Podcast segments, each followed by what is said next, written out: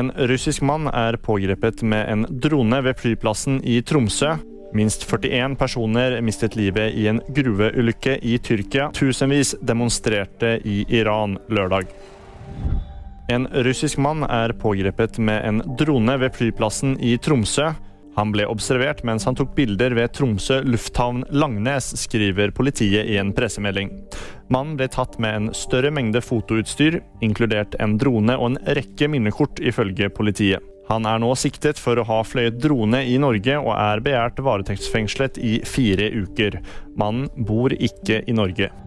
Minst 41 personer mistet livet etter en eksplosjon i en kullgruve nord i Tyrkia fredag. Ifølge landets president Erdogan er alle de som var innesperret nå hentet ut av gruven. Det er fortsatt uklart hva som var årsaken til eksplosjonen. Tusenvis demonstrerte lørdag mot regimet i Iran.